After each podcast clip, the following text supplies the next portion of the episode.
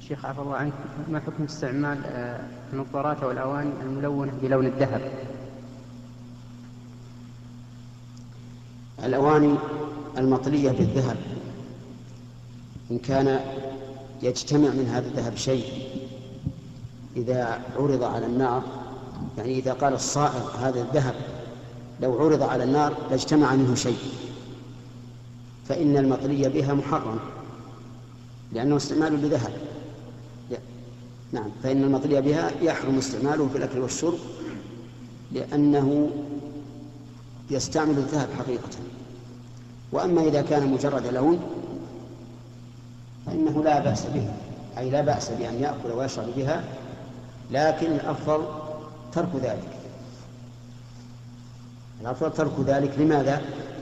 لأن من نظر إليه وهو يأكل فقد يسيء به الظن ويقول هذا الرجل يأكل بآنة الذهب. ومن نظر إليه فقد يظن ذلك ذهبا خالصا فيقتدي به. وفي الأواني الكثيرة المنوعة ما يكفي عن استعمال مثل هذه الأواني.